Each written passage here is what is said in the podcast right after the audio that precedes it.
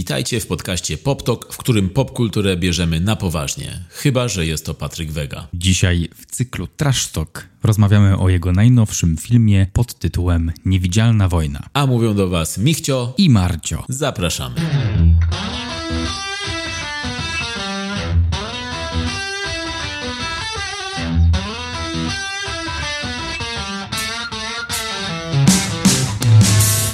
Ten motyw z tym imieniem. Ojejku. On miał Pacio, tak? Mówiła do niego mama.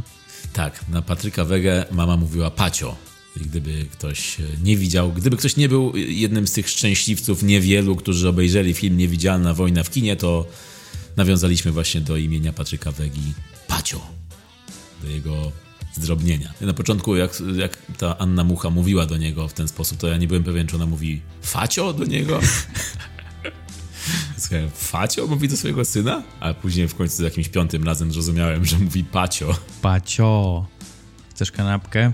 Pacio, wrzucić ci zupę za koszulkę? Jajecznica to była To chyba. jajecznica, dobra. Jest różnica. Masz rację. Jest różnica, czy to zupa, czy jajecznica? Yeah. Zawsze w formie. Michał Miller. No dobrze, no to zanim przejdziemy do tematu naszego odcinka, naszego trasztokowego odcinka, wydania specjalnego, no to musimy powiedzieć o pewnym newsie, a mianowicie chodzi nam o postać Johna Watersa, reżysera, scenarzysty, aktora również. John Waters jest legendarnym już twórcą kina amerykańskiego i nie tylko kina, bo też pisze książki i em, m, robi stand-up. Także mm, on w wielu dziedzinach się udziela. I John Waters był gościem American Film Festival we Wrocławiu. Kiedy to było? To było rok temu. Był John Waters, my tam byliśmy. Oglądaliśmy z nim Różowe Flamingi i nie tylko. Inne filmy, także działo się, działo. E, No, świetna postać, bardzo fajne kino. Tak, tak. Oglądaliśmy te flamingi bez, bez flagowej sceny, którą potem sobie doobejrzeliśmy na YouTubie. Ciekawość e, wzięła górę. A sam Waters, bardzo charyzmatyczny, pozytywny człowiek. Which reminds me, pamiętasz tą sytuację, jak e, był masterclass z nim i jedna z dziewczyn wzięła mikrofon i powiedziała, że jest bezdomna, że, że nie chce pracować, że mm, jak ta sytuacja się rozwinęła i nie pamiętam do końca i e, ktoś z sali zaczął oferować, że może dać pieniądze tej osobie, żeby ona przeżyła, przetrwała i, i, i to był taki kurczę, niespodziewany w ogóle moment jak na masterclass z reżyserem Tak, tak. No John Waters jest taką osobą, która przyciąga trochę outsiderów, osoby zainteresowane tematem i trochę spoza mainstreamu, jak widać właśnie, daleko spoza mainstreamu. No, dlatego też my tam byliśmy. Ale wspomniałeś o Różowych Flamingach. Film Różowe Flamingi, Pink Flamingos, legendarny film z lat 70. z też legendarną rolą Divine, jego muzy, muzy Johna Watersa. Jest to film, jeśli ktoś nie widział, no to polecamy, ale nie dla ludzi o słabych żołądkach Oj nie, nie, nie, nie. zwłaszcza wersję nieocenzurowaną. No my czekaliśmy, cały film czekaliśmy na tą scenę, którą Waters zapowiadał zjadania psich odchodów na finał filmu. I ta scena niestety była wycięta. No niestety, niestety, zależy jak na to patrzeć. Zależy od tego, czy ktoś chce mieć zdrowe życie, czy nie. Także filmy Watersa są pełne złego smaku, pełne... Dosłownie. Nie wiem, czy powiedziałeś to w zamierzony sposób, ale, ale touché, touché. pełne momentów absurdalnych, abstrakcyjnych i, i takich, które nie wchodzą do hollywoodzkich filmów. Mimo to Waters y, zdobył rozpoznawalność, y, zrobił karierę głównie za sprawą swojego musicalu Lakier do włosów, który y, nakręcił w wersji filmowej w 1988 roku, później był musicalem na Broadwayu, a później był remakeowany przez Hollywood w 2007 roku z Johnem Travoltą w głównej roli kobiety, matki rodziny.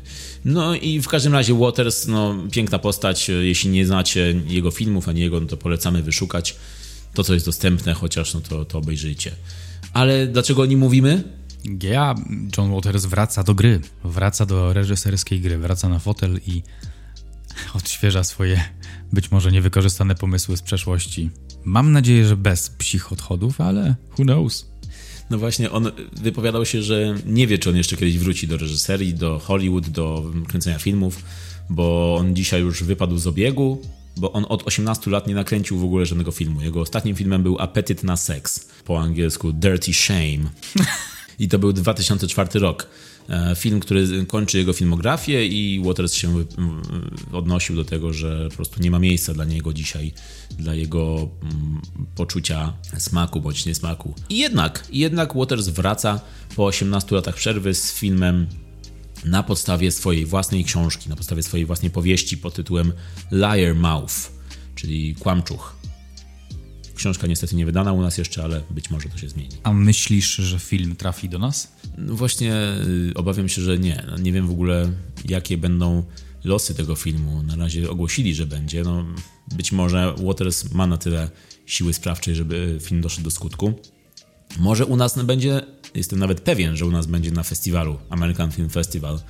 Myślę, że nie przepuszczą takiej okazji, żeby wprowadzić ten film do programu. Ta historia z jego książki, jak Waters określa, to najbardziej zwariowana rzecz, jaką napisałem od dłuższego czasu, więc może jest to całkiem właściwe, że ta szokująca powieść na nowo uruchomiła silnik mojej kariery. Tak stwierdził. Jest to podobno połączenie dramatu, komedii romantycznej i kina Johna Watersa po prostu, czyli szaleństwa. A jeśli nie kojarzycie w ogóle Johna Watersa, to jego twarz możecie rozpoznawać z wielu pobocznych, małych rulek z filmów, lub też na przykład Laleczka Chucky, następne pokolenie, czy też Słodki Drań Woody'ego Allena. On jest takim charakterystycznym gościem z cieniutkim wąsikiem, który wygląda na zboczeńca. I e, znany też jest z teledysku The Lonely Island Creep, który zapowiada.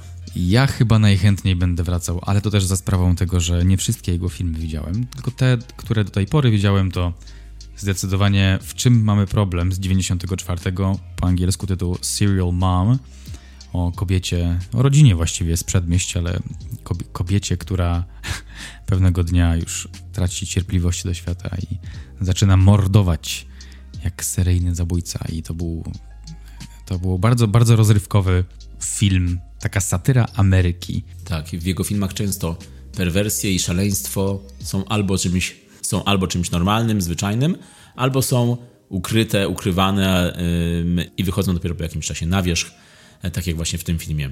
Yy, jednym z moich ulubionych jest Cecil B. Demented, e, film o kręceniu filmów, film o Hollywood, bardzo trafny, zabawny i Watersowy po prostu. Także polecamy wam twórczość Johna Watersa. I tak, e, czy, czy aby, aby Patryk Vega wpisywał się trochę w...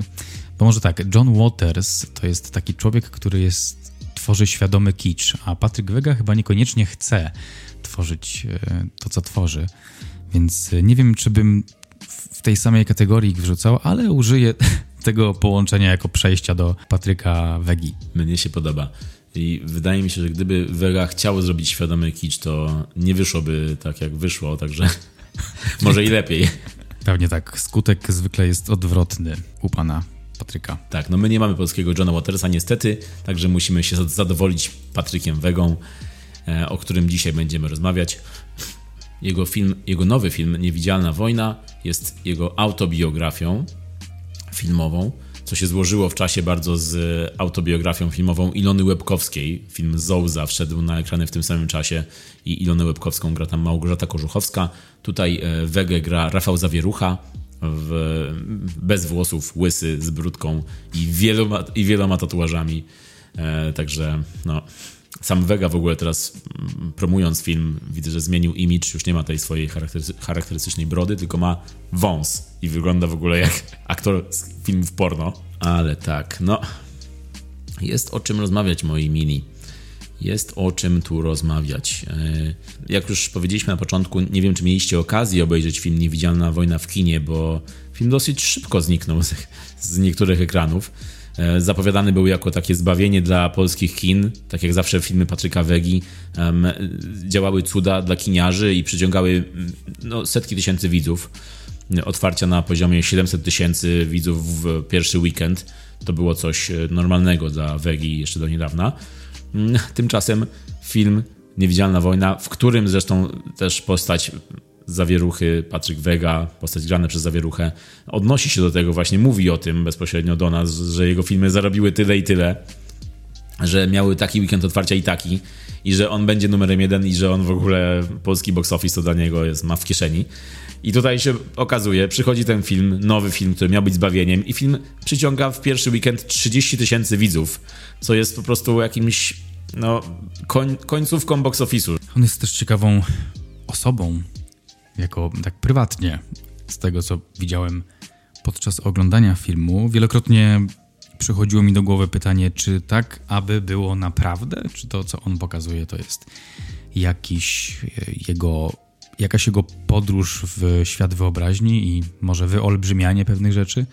Ale niektóre rzeczy były zaskakująco autentyczne, jak na przykład to, że był wpisany w Polską Księgę Rekordów Guinnessa jako najmłodszy człowiek, który stworzył animację, tak? Widać, że od najmłodszych lat próbował szukać tej swojej dziedziny, w, którym, w której będzie numerem jeden. To jest też bardzo wyraźnie pokazane w filmie. Młody Pacio od pierwszych prób zrozumienia świata angażował się tak e, przedsiębiorczo w życie i w różnych dziedzinach próbował. Więc tak, Pacio chciał być numerem jeden everywhere he went. I nadal chce, jak widać po tym filmie. Mm. To jest, ten film to jest po prostu 200% ego Patryka Wegi. Oj, tak.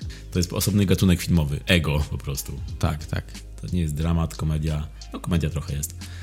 To jest po prostu film pokazujący, jakie ego ma Patryk Wega. Oj, tak, tak. To jest bardzo zauważalne i, i taki duży poziom narcyzmu, takiego, takiego wyolbrzymiania swojej osoby. Zresztą scena otwierająca, jak e, siedzi naprzeciwko szejków e, w, gdzie w którymś kraju arabskim i, i ci pytają się go, po co, po co potrzebuje pieniędzy, czy na co będzie wydawał pieniądze, które od nich dostanie. I e, Patryk Wega był, było potem przeskoczenie na Patryka Wegę i potem cut i przejście w scenę kosmosu. jakichś pojazdów kosmicznych płynących przez próżnię kosmiczną. Widzimy Ziemię i i to, to był już pierwszy, pierwszy trigger do, do śmiechu, no bo rzeczywiście poleciał grubo i, i, i tutaj, tutaj nadał, nadał e, tempo reszcie filmu, że to jednak będzie coś kosmicznego i wyolbrzymionego. E, no i tak było. To było e, zwizualizowanie powiedzenia shoot for the moon Patryka Wegi. Bo z tego, na co wydasz pieniądze i tutaj satelita wielka leci przez kosmos i księżyc i ziemia w tle. Także tak, to masz rację. Masz rację. No, ten film on jest jakby podsumowaniem życia e, i kariery i osiągnięć. To jest takie wypunktowanie przez Wege, co on dokonał w swoim życiu. Czyli to jest dosłownie jak autobiografia książkowa, tylko że no, autobiografia filmowa, co jest dosyć dziwnym zabiegiem. Po pierwsze, no w dwie godziny, no tutaj dwie i pół godziny, które, które trwają ze cztery, to w te dwie i pół godziny chcesz zmieścić swoje życie, nie na 400 stronach na przykład, gdzie możesz się rozpisać i możesz e, wyniknąć swoją psychologię. Tutaj musisz musisz w te 2,5 godziny pokazać swoje wszystkie najważniejsze wydarzenia, swoje osiągnięcia. No, najważniejsza rzecz jest taka, że po prostu nie masz dystansu do tego, jako osoba, która mówi o sobie. No, wiadomo, że Patryk Wega chce się tutaj pochwalić jak największą ilością osiągnięć. Także to jest tak, jakby Patryk siedział na ławce pod blokiem ze znajomymi i po prostu opowiadał, co mu się udało zrobić. Zawsze na początku rozmowy opowiadamy o osobie stojącej za filmem, o twórcy, o artyście, y, z tym, że teraz, gdybyśmy chcieli opowiedzieć o Patryku Wedze, to tak naprawdę musielibyśmy opowiedzieć o fabule tego filmu, który oglądaliśmy. Czyli tak naprawdę, no, opowiadając o Patryku Sebastianie Krzemienieckim, możemy przytoczyć fabułę Niewidzialnej Wojny. Patryk Wega właśnie zmienił swoje nazwisko na Wega, które, co jest pokazane w filmie, e, na początku nie chcieli tego zrobić, bo nie jest to polskie nazwisko, nie ma polskich znaków V, ale w końcu mu się udało, przekupując e, jakąś panią urzędniczkę, miłą panią. To też oczywiście pokazał w filmie, czyli tak naprawdę są dowody na jego, na jego przestępstwa. W ogóle ten film to jest jakby trochę, gdyby tak policja wzięła to jako dowód, to myślę, że można by mu spore zarzuty postawić na podstawie tego filmu. Przypomniało mi się, jak Vega jeździł w tym, że zawierucha, jeździł samochodem z policjantami w tym filmie i z kamerą taką e, ręczną i mówi: Mam dostęp do. Mam dostęp do rzeczy, do których nie ma dostęp 99% społeczeństwa. No właśnie, tak, to, to taki narrator siebie. To są tego typu dialogi właśnie w tym filmie, monologi Wegi, który się przechwala po prostu nam do kamery. Wiecie co, ja zrobiłem to, wy tak nie macie. Po prostu mówi nam prosto w oczy publiczności. Zobaczcie, do czego wy nie macie dostępu, a ja mam. To było zawsze e, znamienne, jeśli chodzi o jego filmy nowe, czyli każdy jego film kolejny miał pokazywać prawdę o czymś. To był taki trik marketingowy jego. Tak. Jego jako socjologa, co też jest nadmienione wiele razy w Niewidzialnej Wojnie, że on jest socjologiem i potrafi doskonale czytać ludzi i publiczność i dlatego jego filmy tak się dobrze sprzedają. Not anymore. No właśnie to jest to, że on się sam o to prosi. Kiedy ktoś z takim wielkim ego mówi ci wprost, tak się przechwala, to aż cię prosi o to, żeby po prostu wbić mu jakąś szpilę później, za, za nawet jeśli to będzie za rok, dwa lata, pięć lat. Sam się o to prosi, żeby po prostu pokazać mu później, że nie miał do końca racji. Tak jest. Nie jest to dobre podejście na pewno. Przy tej okazji, przy tej okazji wspomnienia o jego wykształceniu, chciałbym nadmienić, że Patryk Wega współpracował z, ze, ze znanym socjologiem i takim człowiekiem, który studiował na filmówce, panem Markiem Millerem. Tak, Marek Miller, znany też jako Michał Szczepański. Nasze połączenie to jest. Z Marka Szczepańskiego i Michała Millera powstaje Marek Miller lub Michał Szczepański. Kapitan Planeta. Po, pojawia się tutaj e, sporo tak prawdziwych postaci, granych, odgrywanych przez aktorów. E, między innymi, no tutaj muszę nadmienić, że Niewidzialna Wojna to jest jedyny film, w którym postacią jest Waldemar Dziki, Waldemar Dziki, producent, reżyser, nieżyjący już e, polskich filmów takich jak W pustyni i w puszczy, Pierwszy Milion, wyreżyserował Pierwszy Milion. No jest to, jest to twórca, który, który ma tro, miał trochę na koncie, trochę zrobił i, i, i rzeczywiście no, nie, nie, jakoś nie jest rozpoznawalny u nas, ani nie, nie, nie, zrobił, nie zrobił kariery. Także zdziwiłem się, kiedy zobaczyłem Waldemara Dzikiego na, na ekranie jako postać. To jest po prostu to, że to jest ktoś, kto. To nie, nie, nie powiesz tak, że o, Waldemar Dziki w tym filmie jest. To nie jest, nie jest takie cameo celebryckie, tylko to jest postać, która wiesz, którą rozpo, rozpoznajesz, kiedy siedzisz w tym. A na, na ekranie w filmie on jest wprowadzony jako wow, Waldemar Dziki, zobaczcie. Także to jest. Jestem pod wrażeniem, że, że Vega naprawdę tutaj tak e, operuje takimi nazwiskami, jakby się też przechwalał, mimo że pewnie większość ludzi nie będzie kojarzyła, kim jest Waldemar Dziki. Albo Marek Miller. To była, to była nasza, to był nasz moment y, narcyzmu. Jak dowiedzieliśmy się, że pan Patryk Wega współpracował z Markiem Millerem, to tak jakby współpracował z naszą dwójką w jednej osobie. Także każdy miał swoje 5 minut podczas tego filmu.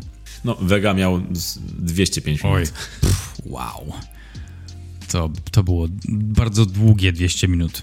No to idąc od jego dzieciństwa, w filmie Vega jest grany przez młodych dziecięcych aktorów, którzy się co jakiś czas zmieniają. Każdy kolejny wydaje mi się, że był słabszy niż poprzedni. Aż w końcu, e, no tak jak mówiłeś, Vega stworzył animację komputerową do, film, do programu 5.10.15, za co był wpisany do księgi Guinnessa. Tu jest też taka scena, kiedy Vega patrzy wtedy w kamerę na nas i mówi i tak się uśmiecha jeszcze i mówi, że jest Faktycznie było tak.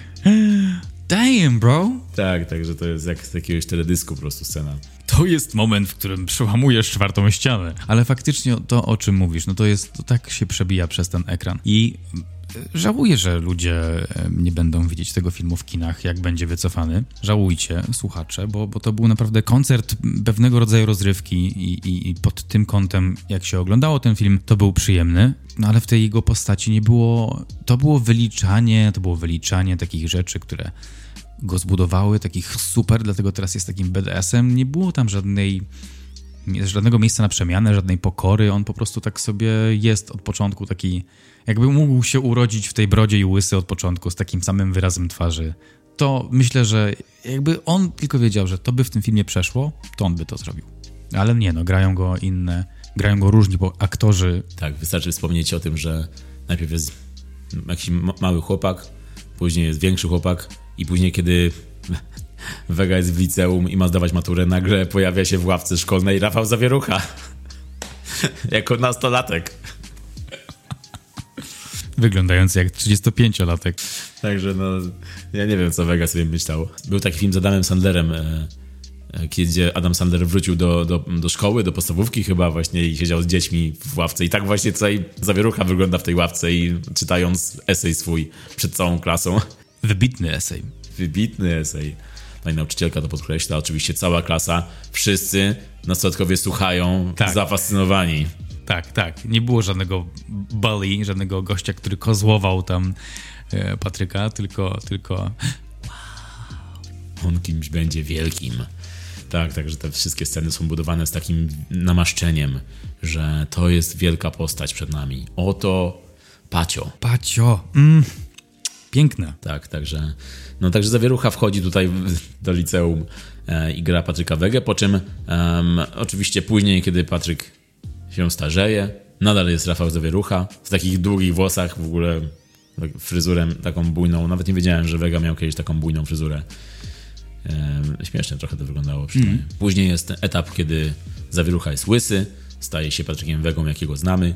Później nadchodzi etap, kiedy Patryk Wega tyje i robi się wielkim Patrykiem Wegą. Zanim tam pójdziemy, to nie jest fat shaming. To nie o to chodzi, że ktoś jest gruby i śmiejemy się z tego, że jest gruby. Chodzi o zmianę aktorów podczas progresji jego wydarzeń z jego życia. Chodzi o wybór tych aktorów i chodzi o to, że głos się nie zmieniał, więc y, to było dosyć zabawne. Ale po prostu Rafał Zawierucha w pewnym momencie zmienia się w innego aktora, otyłego aktora, dużego aktora, który po prostu, no, rozumiem, że Zawierucha w pewnym momencie ma na sobie jakiś tam fat suit, ma ten taki e, sztuczny brzuch. Oj, tak było, tak, tak. Był, był ten sztuczny brzuch, ale w pewnym momencie Vega się tak już roztył w, swoim, w momencie swojej kariery, swojego życia, że postanowił, że zmieni aktora i po prostu nagle jest jakiś inny aktor w połowie filmu. Zupełnie inny człowiek z głosem Rafała Zawieruchy podejrzewam, bo miał taki trochę wyższy, zupełnie niepasujący do tego ciała i tak i to był taki, to był dysonans. Dla mnie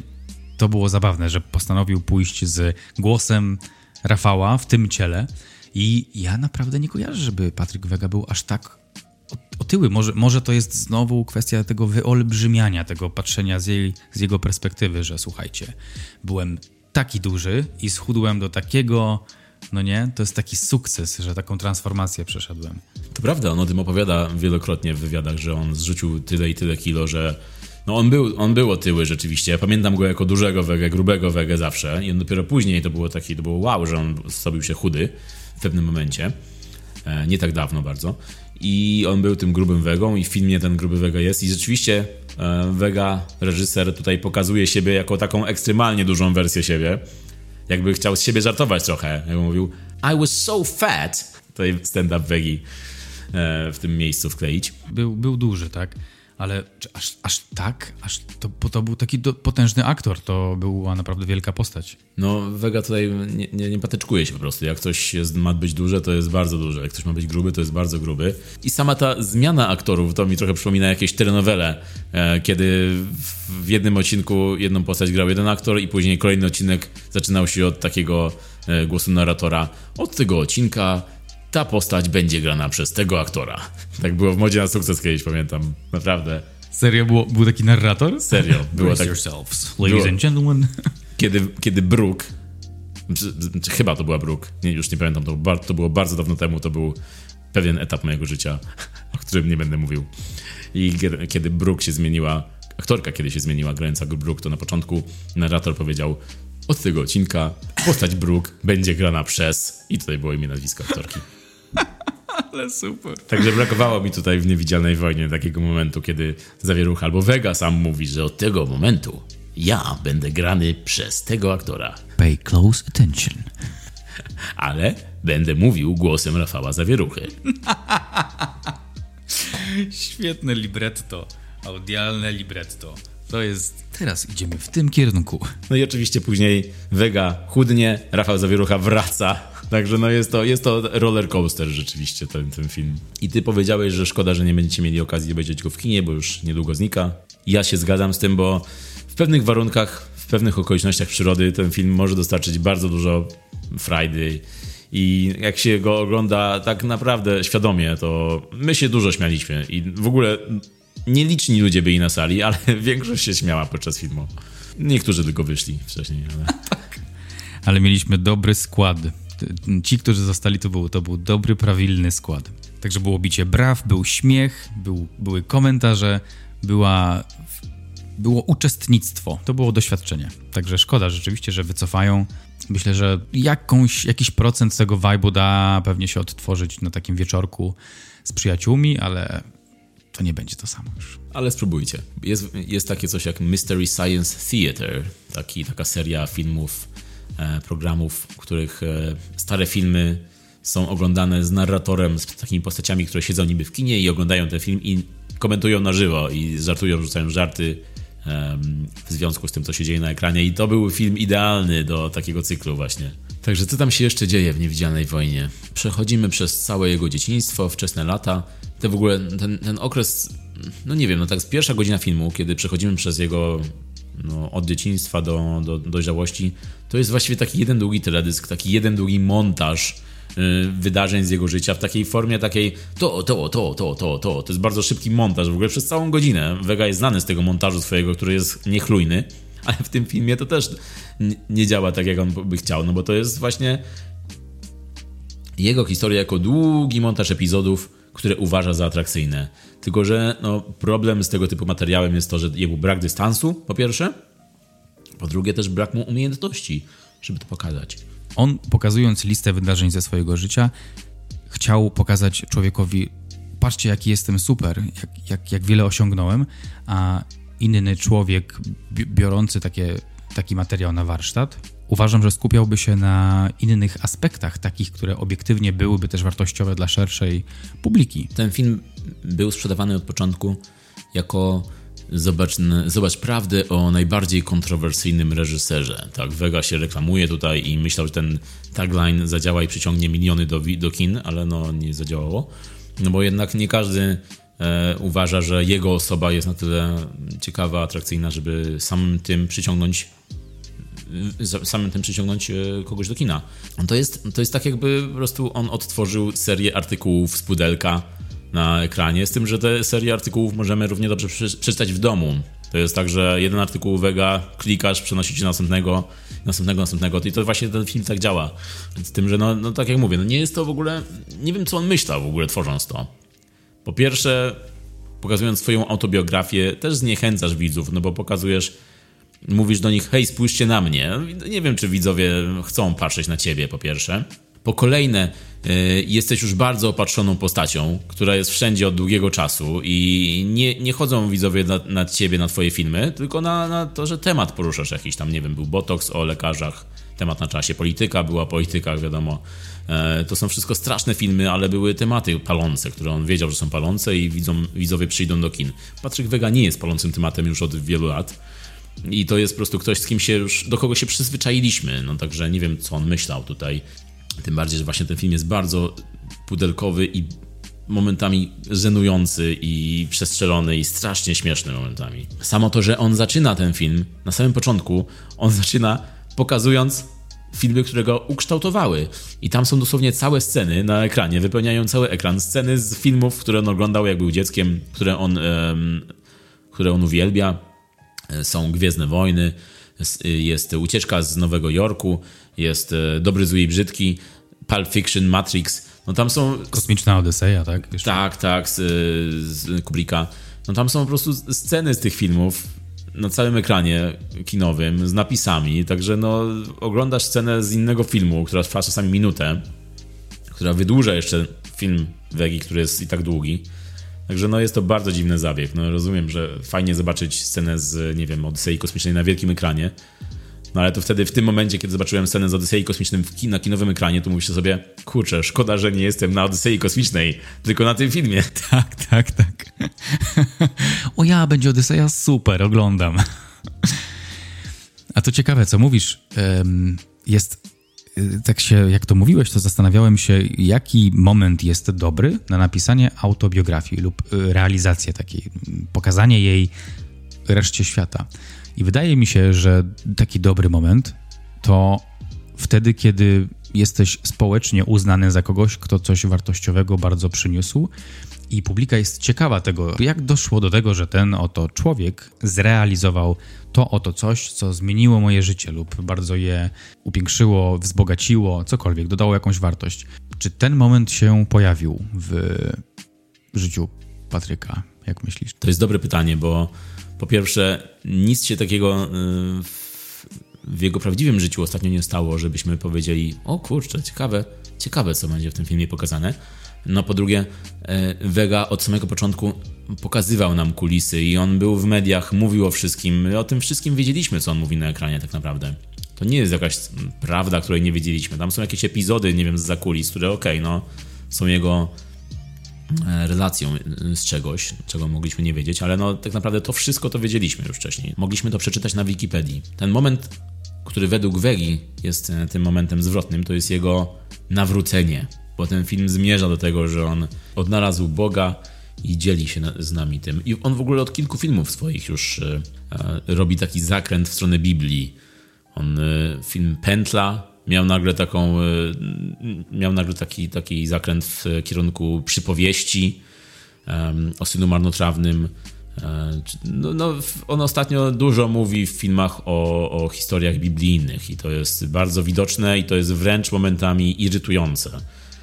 I tutaj pokazuje wprost, mówi ci wprost, tłumaczy ci to, że tak, ja, ja znalazłem wiarę i dlatego te filmy tak wyglądają. Co no, nadal nie, nie zmienia tego, że są straszne. Czy ty uważasz to jego nawrócenie za coś, co nie wiem, jest tym momentem zwrotnym w niewidzialnej wojnie? Bardziej myślałem, że to jest ten moment, w którym łapie go policja szwedzka i go tak trochę deportują. I tak, tak to odebrałem wtedy, że, że to był moment, w którym on podejmuje decyzję o innym kierunku takim lepszym w życiu. To był moment w jego młodym, w młodych latach, że rzeczywiście, że, że poszedł w kierunku reżyserii, tak pokazuje to, ale ten, z tego współczesnego Wegi to, to właśnie ten film zmierza do tego. Zmierza tak jak jego ostatnie filmy, zmierza do tego, że e, droga z Bogiem to najlepsza droga. I w ogóle, ale to jest tak absurdalne, bo ten film jest pełen hedonizmu, pełen tych momentów, kiedy on, nie wiem, sypia z jakimiś dziewczynami, które ledwo poznaje. Jedzie samochodem, jest pokazana twarz jakiejś kobiety i potem jest scena seksu i potem znowu jedzie samochodem tym samym i jest inna kobieta, tylko dalej na chodniku i znowu scena seksu. I cały czas zawierucha na nas patrzy tym swoim beznamiętnym wzrokiem. Oj tak, to jest ten wzrok, to jest zagadka tego. O to bym chętnie spytał Rafała, jakbyśmy kiedyś gadali. Co? Czy taka była, bo wydaje mi się, że to było coś, co Patryk też narzucił, no nie? Może by on był taki taki e, skupiony, że zawsze wiedzący, czego chce i taki, że to nie było miejsca na wątpliwość, że to jest ścieżka Herosa. Ale to no, tak, tak to miało chyba wyglądać, ale to też wygląda tak, jakby on w ogóle nie miał w sobie żadnych emocji, jakby on był taki zimny, w ogóle beznamiętny i zawierucha cały czas ma tą pozę taką wyprostowaną, głowa do góry i taki jest ręce na bokach, taki jak, jak robot trochę nie wiem, czy to jest wybór zawieruchy z obserwacji Wegi, czy to Vega też narzucił mu, nie wiem. Ale ten wzrok zawieruchy, który jest taki, taki jest jakby on wstał dopiero z łóżka. A najlepsza jest scena, kiedy musimy o tym powiedzieć. Kiedy zawierucha Vega e, jest zawożony do szpitala taksówką. Po przedawkowaniu czegoś. I, I, ma po prostu taki wyraz twarzy, jakby nie wiem, czy to zawierucha po prostu w tym momencie się zamyślił nad y, tym, gdzie jego kariera zmierza, czy to był po prostu naturalny wyraz twarzy Patryka Wegi, ale po prostu wygląda. No, jest to mem, jest to, jest to mem idealny. I żeby nie było, że się śmiejemy z tego, że ktoś przedawkował. Jakby nie o to chodzi. Chodzi o film, jak pokazuje pewną rzecz. Dla mnie, dla mnie Rafał Zawierucha jest po tym kadrze, po tym filmie, jest geniuszem. Ja go uwielbiam. Sam fakt, że ta scena trwała z, ze 30 sekund, może dłużej, na takim slow zoomie na twarz Patryka, który przydawkował. Powoli wjeżdżamy w jego twarz i nic nam się nie zmienia. To trwa naprawdę bardzo długo.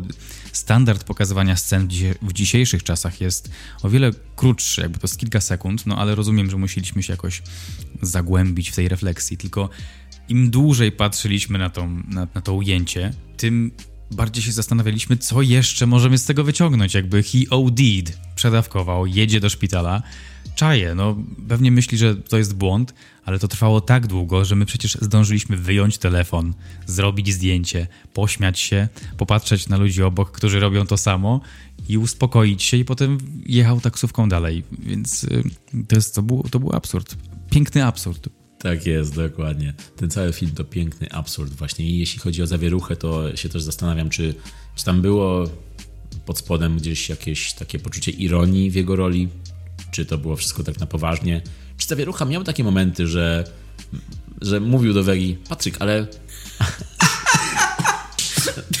Patryk, ale czy może moja postać nie powinna tutaj na koniec filmu mówić, że jestem numerem jeden?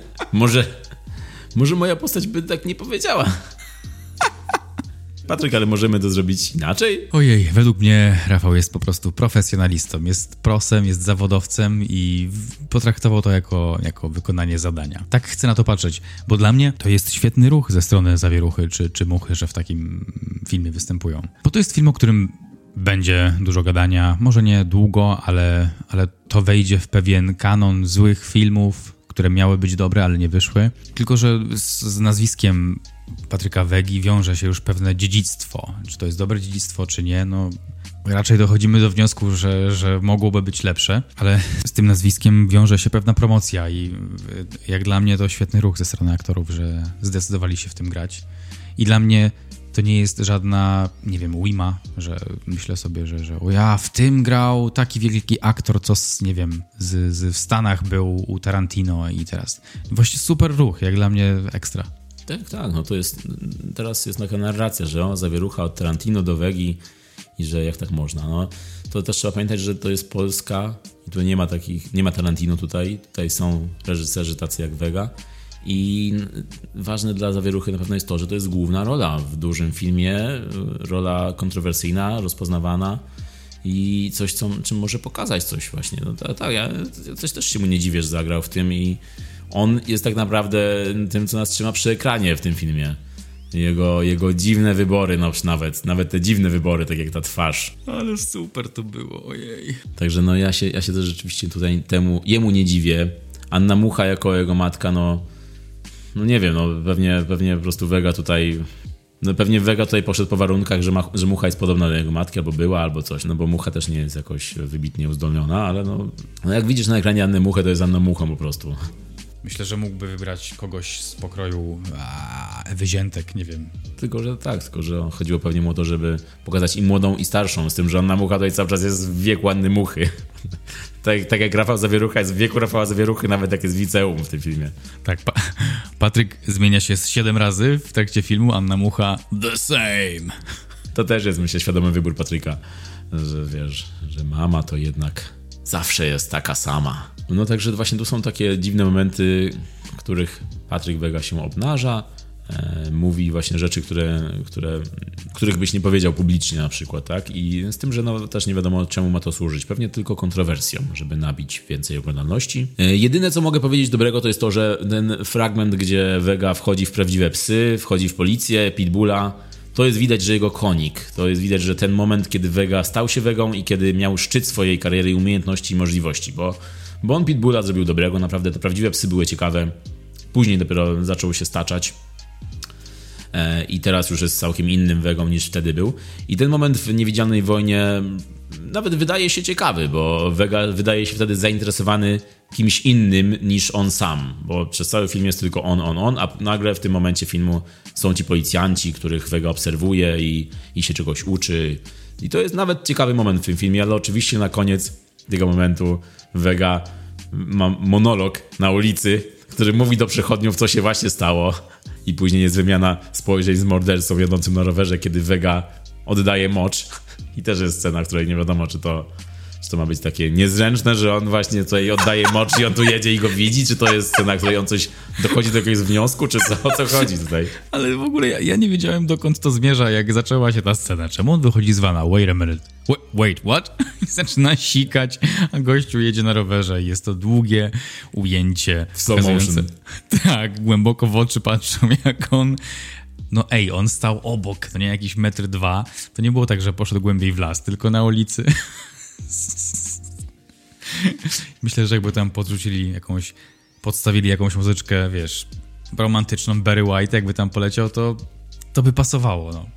Ja czekałem tylko na moment, kiedy w tym slow motion ten, ten morderca jedzie na rowerze i nagle ten jego wzrok tak schodzi niżej. I potem te oczy tak się powiększają. Tak. He is so big! I na ekranie jest ilość centymetrów.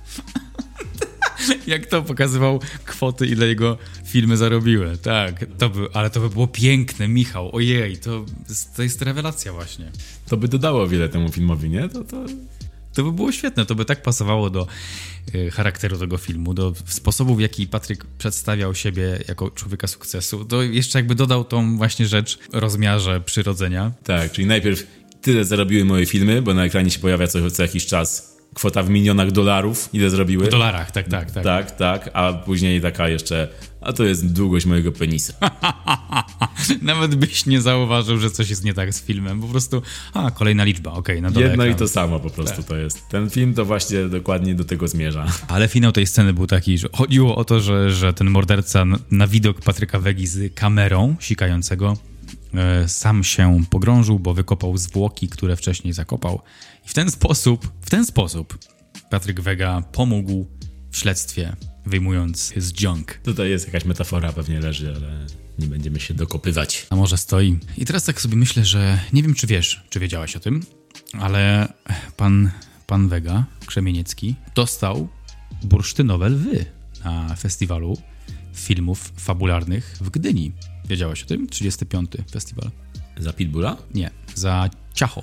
What? I'm serious. Od razu, od razu z góry powiem, że byłem w, w kinie na filmie Ciacho i to było jedno z najbardziej żenujących, najgorszych przeżyć kinowych, jakie doświadczyłem. Oczywiście Vega tutaj w Niewidzialnej Wojnie ma takie też sceny, kiedy on się dystansuje od tego swojego etapu kariery.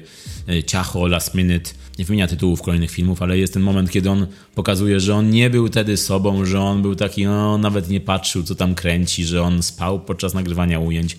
On się dystansuje od tego swojego etapu kariery. Mówi, że to nie byłem ja. Chociaż ewidentnie, no, już trochę na to za późno, po pierwsze, bo od tego czasu właśnie nastąpił spadek i cały czas utrzymuje się ten stan. No to po drugie, te filmy naprawdę były tak żenujące, że, że, no nie możesz teraz, Patryk, powiedzieć, ale to nie moja wina. To, jest, to tak nie działa. 2010 rok, 35. Mm -hmm. Festiwal Polskich mm -hmm. Filmów Fabularnych, Bursztynowe mm -hmm. Lwy, Zaciachło. Potem seria najgorszych nagród za najgorsze aspekty swojej twórczości, reżyseria, film, scenariusz, żenujący film na ważny temat, to był film Botox i on to wszystko zgarnął. Potem znowu Bursztynowe Lwy, 42 edycja, 2017 za film Pitbull Niebezpieczne Kobiety i też wygrana. Ale dla mnie to jest szok, że był doceniony za ciacho. Ja, ja tego kompletnie nie rozumiem, co tam, co tam było. Ten film był naprawdę kiepski. Był straszny. To, był, to było typowe 1 na 10. I to był moment w karierze Wegi, kiedy właśnie nastąpiła taka zmiana na tego złego Wegę. Ale no dobra, to, to tobie się podobało w tym filmie. Podobało? Najbardziej podobał mi się ten dialog, kiedy podrywa kobietę, która mówi, ale mam okres. No co on mówi, byłem na pięciu sekcjach zwłok. I idą do łóżka. Oh man. Dobra odpowiedź? Gdzie ja popełniłem błąd? Piękny moment, piękny dialog. Też za to podoba mi się ten film. Jeszcze jakieś dialogi pamiętne? Czy ten dialog z rekinem? Jestem jak rekin. Nie odróżniam przyjaciół od jedzenia. To ma być takim momentem. Wow, ten to mu powiedział. Przy czym to jest po powiedziane w taki beznamiętny sposób przez tego młodego aktora. Jestem jak rekin, nie odróżniam przyjaciół od jedzenia. Tak, i to od razu idzie do, do, do spisu tekstów, najlepszych tekstów. Od razu zapisuj to, zapisuj to. Nie można tego stracić. To jest bogactwo. No i jest jeszcze ta casualowa rozmowa z księdzem na schodach na moście. Jest ich trochę w ogóle. To miał być chyba taki zabieg trochę Eastwoodowy, że ten Eastwood taki po przejściach po Wietnamie, po wojnie rozmawia z tym księdzem katolickim w filmie Gran Torino, ale nie do końca wierzy w cokolwiek, więc ten ksiądz jest takim jego mentorem troszkę, którego Clint nie chce. I to chyba chciał pokazać Patryk w tym filmie, ale no nie wyszło tak.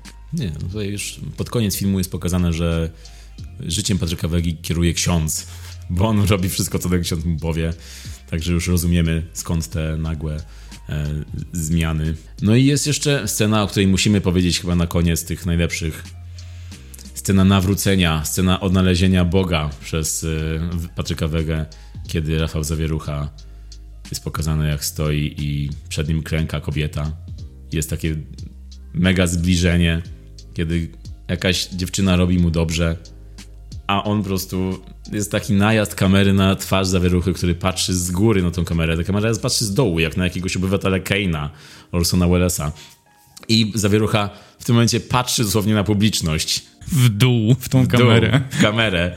I jak to może wyglądać? Ta scena, no to z 30 sekund jest na tej twarzy zawieruchy i kiedy on patrzy na nas, no nie, no nie ukrywajmy tego. Czy Vega miał to na myśli to, że to publiczność robi mu dobrze w tym momencie? Sami ocenić. A, nie ocenicie. Ale to naprawdę tak wygląda i to jest moment, kiedy zastanawiasz się, czy naprawdę Patryk Wega miał to na myśli w tym momencie, czy on naprawdę chciał to pokazać? O Boże, po prostu tam się dzieją rzeczy, tam się dzieją rzeczy, słuchajcie, kochani. To jest dobra recenzja. Tam się dzieją rzeczy. To jest taka trochę incepcja złego smaku i żenady. Dobrze, kochani. W filmie dzieją się rzeczy, wiecie o tym, my o tym wiemy, ale musimy dojść do punktu, w którym wszystko zamkniemy w klamrę, dlatego przechodzimy do podsumowanka. Niewidzialna wojna lub też Ale to ty dzwonisz, The Movie. Film, o który nie prosiliśmy, a który dostaliśmy. Film jak właśnie telefon od Wegi, który dzwoni i zajmuje ci 2,5 godziny czasu i opowiada o sobie, po czym na koniec stwierdzasz, że, że okej, okay, ale ja cię wcale nie pytałem. To jest po prostu uderzenie wody sodowej do głowy Patryka Wegi. To jest ten moment. Już myślę, że przyszedł dawno, ale teraz przyszedł do kin. No, film, w którym praktycznie nic się nie broni. Film, który jest tak straszny i zły, że bardzo przyjemnie się go ogląda. Mimo, że trwa 2,5 godziny, mógłby trwać dużo krócej. E, takie wycięte sceny, The Best of na YouTubie to byłoby takie prawidłowe oglądanie tego filmu. Festiwal złego smaku, festiwal żenady, festiwal złych tekstów. No i pośród tego wszystkiego jest Rafał Zawierucha, który sobie jakoś radzi, nawet mimo, że no, postać jest niewdzięczna. To jest taki pacio socjopacio. Pacio socjopacio w teledysku o swoich osiągnięciach i w teledysku o odnalezieniu Boga w najmniej prawdopodobnych miejscach. E, mm, jest tutaj dużo materiału, który można by zgłosić do prokuratury. Jest tu też dużo materiału, który można użyć później w memach. E, I tyle tego materiału nam Vega daje na samego siebie, że no nawet przecież pewnie ta scena, kiedy Vega w filmie siedzi i czyta o wynikach swojego filmu, to teraz równie dobrze możemy tą scenę przetworzyć po premierze Niewidzialnej Wojny na to, jak Vega siedzi, czyta informacje o klęsce swojego filmu i planuje sequel Niewidzialnej Wojny. To jest, no, to jest nieuniknione, myślę, kiedyś za ileś lat. Oni jeszcze nie zrozumieli. Ten, ten tekst na koniec, finał filmu, początek i finał ta klamra spinająca, która się dzieje w Arabii z szejkami. W ogóle tam szalony filtr z Instagrama, gdzie wszystko jest pomarańczowe. To, to, to jest tej delikatności właśnie nauczył się od mistrzów kina, których pokazuje Vega. E, no, ta, ta, ten finał, gdzie wszystko, wszystko to, co obejrzeliśmy, zmierza w kierunku tego, żeby Patryk Vega powiedział do kamery i do nas: Jestem numerem jeden. To jest po prostu takie WTF wielkie. Naprawdę do tego zmierzałeś? Jakbyśmy nie wiedzieli tego wcześniej przez te 2,5 godziny i przez te 10 lat, że tak myślisz o sobie. E, no, film, który prosi się o sarkazm, ironię, film, który prosi się o nasz trash talk właśnie, bo, bo jest, no, jest tak zły, że aż może dostarczyć frajdy. Vega w filmie i już prywatnie też mówi, że to jest jego ostatni polski film. Ostatni film, który zrobi w Polsce i on grozi nam tutaj. Ja mu życzę dobrze. Ja mu życzę, okej, okay, Patryk, jedź do Hollywood, zrób tam jakiś film, zobaczymy, co będzie. Ja jestem ciekaw tego, co będzie teraz. E, z tą całą furą pieniędzy od szejków. Jakiś, no, no nie wiem, no Marvela może zrobi jakiegoś. O tak, proszę, proszę, niech on się tym zajmie. Którego byś chciał zobaczyć? Obojętnie, tylko żebym miał jakiś e, materiał na dyskusję z, ze znajomymi, którzy mówią, że Marvel jest lepszy niż DC. Wyobrażasz sobie teraz reboot Ironmana, reżyseria Patryk Vega. No i, właśnie, no i właśnie do takich projektów potrzebujemy takich ludzi jak Patryk Vega. Jeśli to by był, ojej, Tony Stark. Mm. Nie, nie, nie, to nie będzie już Tony Stark, to będzie Patryk Vega teraz. Patryk A, on by grał siebie. Patryk Vega w... będzie grał siebie w filmie kręconym przez siebie. Wtedy myślę, żebyśmy zrozumieli jego wielkość. Wtedy dopiero.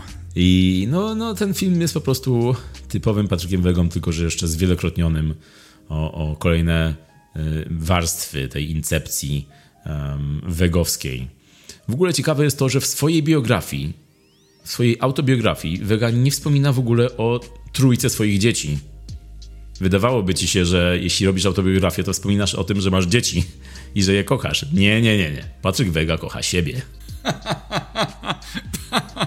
Także no, wybaczcie ten cały sarkazm, ale no, mam nadzieję, że E, rozumiecie, dlaczego jest on tutaj potrzebny. To jest bardzo wdzięczny materiał do nagrania tego odcinka, bardzo wdzięczny materiał do pisania o tym, że Vega się skończył I ja jednak życzę nam, żeby Vega się nie skończył i właśnie pojechał teraz gdzieś za granicę i żeby tam teraz zobaczyli, jak to jest mieć takiego Patryka Wege u siebie. Go for it, Patrick. Ode mnie 1 na 10. No ja, ja oczywiście zgadzam się ze wszystkim, co powiedziałeś. Film Niewidzialna Wojna. Um, czy była taka niewidzialna? No widzieliśmy całkiem sporo. Pokazał nam takie głębie siebie, że myślę, że mamy pełny obraz ja starałem się patrzeć na ten film z kilku, kilku e, perspektyw, tak trochę starałem się zrozumieć też jego jako twórcę, e, jako aktora swojego życia, siebie jako część widowni, obviously, ale też próbowałem zracjonalizować, czemu, czemu do tego doszło. I patrząc na jego życie, na te wydarzenia, które go dotknęły, to z jakiego miejsca pochodzi, tak, że zawsze ten nieobecny ojciec, ten ojciec ze Stanów, e, ta mama tak, tak trochę ślepo wspierająca jego wybory, e, ale oczywiście to jest, to jest zupełnie inna, inna e, pula doświadczeń, w ocenianie której się nie zagłębiam. Natomiast patrząc na to, jakby racjonalizując to, z jakiego miejsca on pochodzi i, i przekładając to na jego filmy, to ma to sens. Ma to sens, że on chce być numerem jeden, że szuka dziedziny, w której będzie najbardziej rozpoznawalny, najbardziej doceniany, wyróżniony Wydaje mi się, że ma to spory związek z jego przeszłością i, i tą nieobecnością pewnej ważnej postaci w jego życiu. To tak z części terapeutycznej, że tak powiem. Dobrze, że zrównoważyłeś trochę ten mój sarkazm tą powagą. Podoba mi się to. Tak, no bo zawsze coś tam z czegoś się bierze, no nie? To, to nie jest tak, że ktoś jest taki i koniec. Podejrzewam, że, że, że to, co Patryk chce nam pokazać przez ten film, to jest taki, taki książkowy przykład narcyzmu, taki wyolbrzymiam siebie, swoją osobę, jestem super i przy, każdym, przy każdej dziedzinie, którą się zajmuję, jak to pokazywał w tym filmie, tak? Czy to była animacja, czy to było, nie wiem, sprzedawanie gier y, na dyskietkach, to, to on musiał być tym rekinem. On właśnie y, znudziło mu się tamto, teraz będę numerem jeden w tej konkretnej kategorii i pokażę wszystkim, jak się robi to i to. Jak ten przykład z ujęciem takim obrotowym, jak pokazywał mamie rysunek, w którym pokazuje aktora w środku wielu kamer, które kręcą jednocześnie i potem zobaczył Matrixa i w odpowiedzi na to użył komentarza widzisz mama, ukradli mi pomysł, mi mój pomysł, no nie? Więc jest taka to postać taka grandiose, taka, że ja tutaj osiągnę cały świat. No i sam fakt, że widzimy w drugiej minucie filmu kosmos i podróżowanie wokół planety. To, jest, to, to pokazuje, to nadaje pewnej skali reszcie filmu. I to jest ta pierwsza część, która tak naturalnie wchodzi w drugą część mojego odbioru, czyli mnie jako widowni. Dla mnie to był koncert narcyzmu, to był taki koncert, to był taki narcyzm dla bystrzaków. To, to nie miało większej wartości obiektywnej. Nie wiem, czytałem autobiografię na przykład Baracka Obamy i, i mimo, że sam siebie opisywał, to, to zachowywał zdrowy dystans i po, przedstawiał pewne sytuacje, jak one się wydarzyły i mm, proponował pewną swoją refleksję, co spowodowało, że później podjął inną decyzję w życiu, albo co sprawiło, że chciał być prezydentem, czy, czy e, no, czyli człowiekiem o, o bardzo takiej roli vox populi, taki, taki głos ludu, reprezentuje lud, reprezentuje większą część społeczności. To jest y, postać, która powinna myśleć o sobie w kategoriach w takich, że jestem, no nie, oto mam wielką odpowiedzialność, e, ale, no, ale y, między tymi dwiema postaciami jest wiele różnic, a jedną z takich bardziej flagowych jest pokora, skromność, może, może tak. Więc dla mnie jako człowieka, który siedział w kinie, było to i na tym się skupiałem. Było, było, było to doświadczenie. To, to był śmieszny film. I ktoś mnie spytał ostatnio, czemu Marek, czemu oglądasz takie kiepskie filmy? Jakby po co, po co marnujesz swój czas? To nie jest zawsze tak, że ktoś robiąc kiepski film myśli sobie, zrobię kiepski film. I mamy tego wiele przykładów. Mamy Tomiego Wizu, który zrobił The Room, przecież sfinansował od początku do końca i wyszło jak wyszło, ale jest przecież już kultowy więc, więc to nie jest tak, że ludzie mają taki zamiar i jest to pewna ciekawość, żeby zobaczyć, co z tego wyszło. Jest trochę benefit of a doubt. Mam takie z tyłu głowy, że chcę się dowiedzieć, o czym tak gadają. I uważam, że e, uważam, że taki film też ma, też ma rozrywkę w sobie. Na rozrywce się właśnie skupiałem, na tym doświadczeniu. E, tam od początku było dużo rzeczy, które nie powinny tam być, żeby, żebyśmy mogli traktować ten film jako tak, tak na poważnie ten filtr, ojej, ten filtr takiego różu jakiegoś reprezentującego, nie wiem, sucharność krajów arabskich i not really, why? No ale było tam takich scen sporo, teksty były niesamowite, koncert tekstów, again, nie neguję też tej ścieżki, tego, tej, tej e, konwersji. Podsumowując, uważam, że te wydarzenia, które dotknęły Patryka Wege, one są bardzo ważne, bardzo istotne i na pewno wpłynęły na jego rozwój, natomiast przedstawienie tego w tym filmie nie miało wartości. To miałoby o wiele większą wartość, jakby to był dokument, jakby to było przedstawienie jego ścieżki. Wtedy człowiek miałby też sam szansę ocenić, czy to jest coś, z czego mogę czerpać, e, czy to jest coś wartościowego. Tutaj mamy pokazane, jestem wartościowy, dokonałem wszystkiego, mam dostęp do czegoś, do czego 99% społeczeństwa nie ma. Podziwiaj mnie, no nie? I wydaje mi się, że to jest, wydaje mi się, że to jest e, ostateczny przekaz jego filmu, tego ostatniego już w ogóle, jakby dostrzeż mnie, no nie, potrzebuję, potrzebuję trochę atencji. I trochę chyba w taki empatyczny sposób też e, patrzę. Wow, ale poszedłem naokoło z tym filmem. Dobrze, dobrze, nie, poważnie poszedłeś i, i rozsądnie bardzo podoba mi się to. Tym bardziej, że rzeczywiście masz rację z tym, co mówisz, bo gdyby powstrzymał Vega swoje ego, albo gdyby ktoś inny zrobił ten film, albo gdyby to był film dokumentalny, to te wydarzenia mogłyby być pokazane, jakby miały znaczenie. A w ten sposób, jak Vega zrobił to, to wszystko wydaje się mówić nam i zmierzać do tego finału, który mówi zobaczcie, czego nie będziecie już mieli w swoim kraju. Żałujcie, że ja od was wyjeżdżam i nie zrobię, i nie zrobię więcej filmów w Polsce. Gdyby to nie zmierzało do tego, tylko gdyby tam było naprawdę jakieś przesłanie, metafora, a nie, a nie na zasadzie groźby e, człowieka, który ma wielkie ego i uważa, że, że będziecie za, za mną tęsknić, no to, to byłoby całkiem inaczej, ale w ten sposób nie da się inaczej oglądać tego filmu niż właśnie tak jako świadomy kicz i, i pośmiać się trochę z tego i iść na to, na to, wiedząc, że to będzie zły film i wiedząc, że to jest materiał, który już po zwiastu nie było widać, że to jest materiał o, o gościu z ogromnym ego, z którego możesz się pośmiać. Tak jak The Room, dobrze porównałeś, Tommy Wisu zrobił na poważnie, wyszło, wyszło śmiesznie i bardzo podobnie wyszła Niewidzialna Wojna. Tak jest i nawet za, nie wiem czy to dostrzegłeś, ale nawet y, często było o Stanach, tak, y, mowa, kwoty były w dolarach wyrażane. Tak. Czy to nie jest jakaś próba właśnie Patryka powiedzenia do ojca, ej stary, jakby kochaj mnie, no nie, tutaj zapomniałeś o mnie? Może to jest tak, tak głęboko wjeżdżając w to? No to są pewnie jakieś kompleksy, które wychodzą z niego, które dziwne, że on w ogóle mówiąc o swoich kompleksach w tym filmie, bo to są ewidentnie jakieś kompleksy, dziwne, że on w ogóle nie ma jakiejś takiej blokady. Że to jest niewidzialna blokada, o której mówi w filmie zresztą.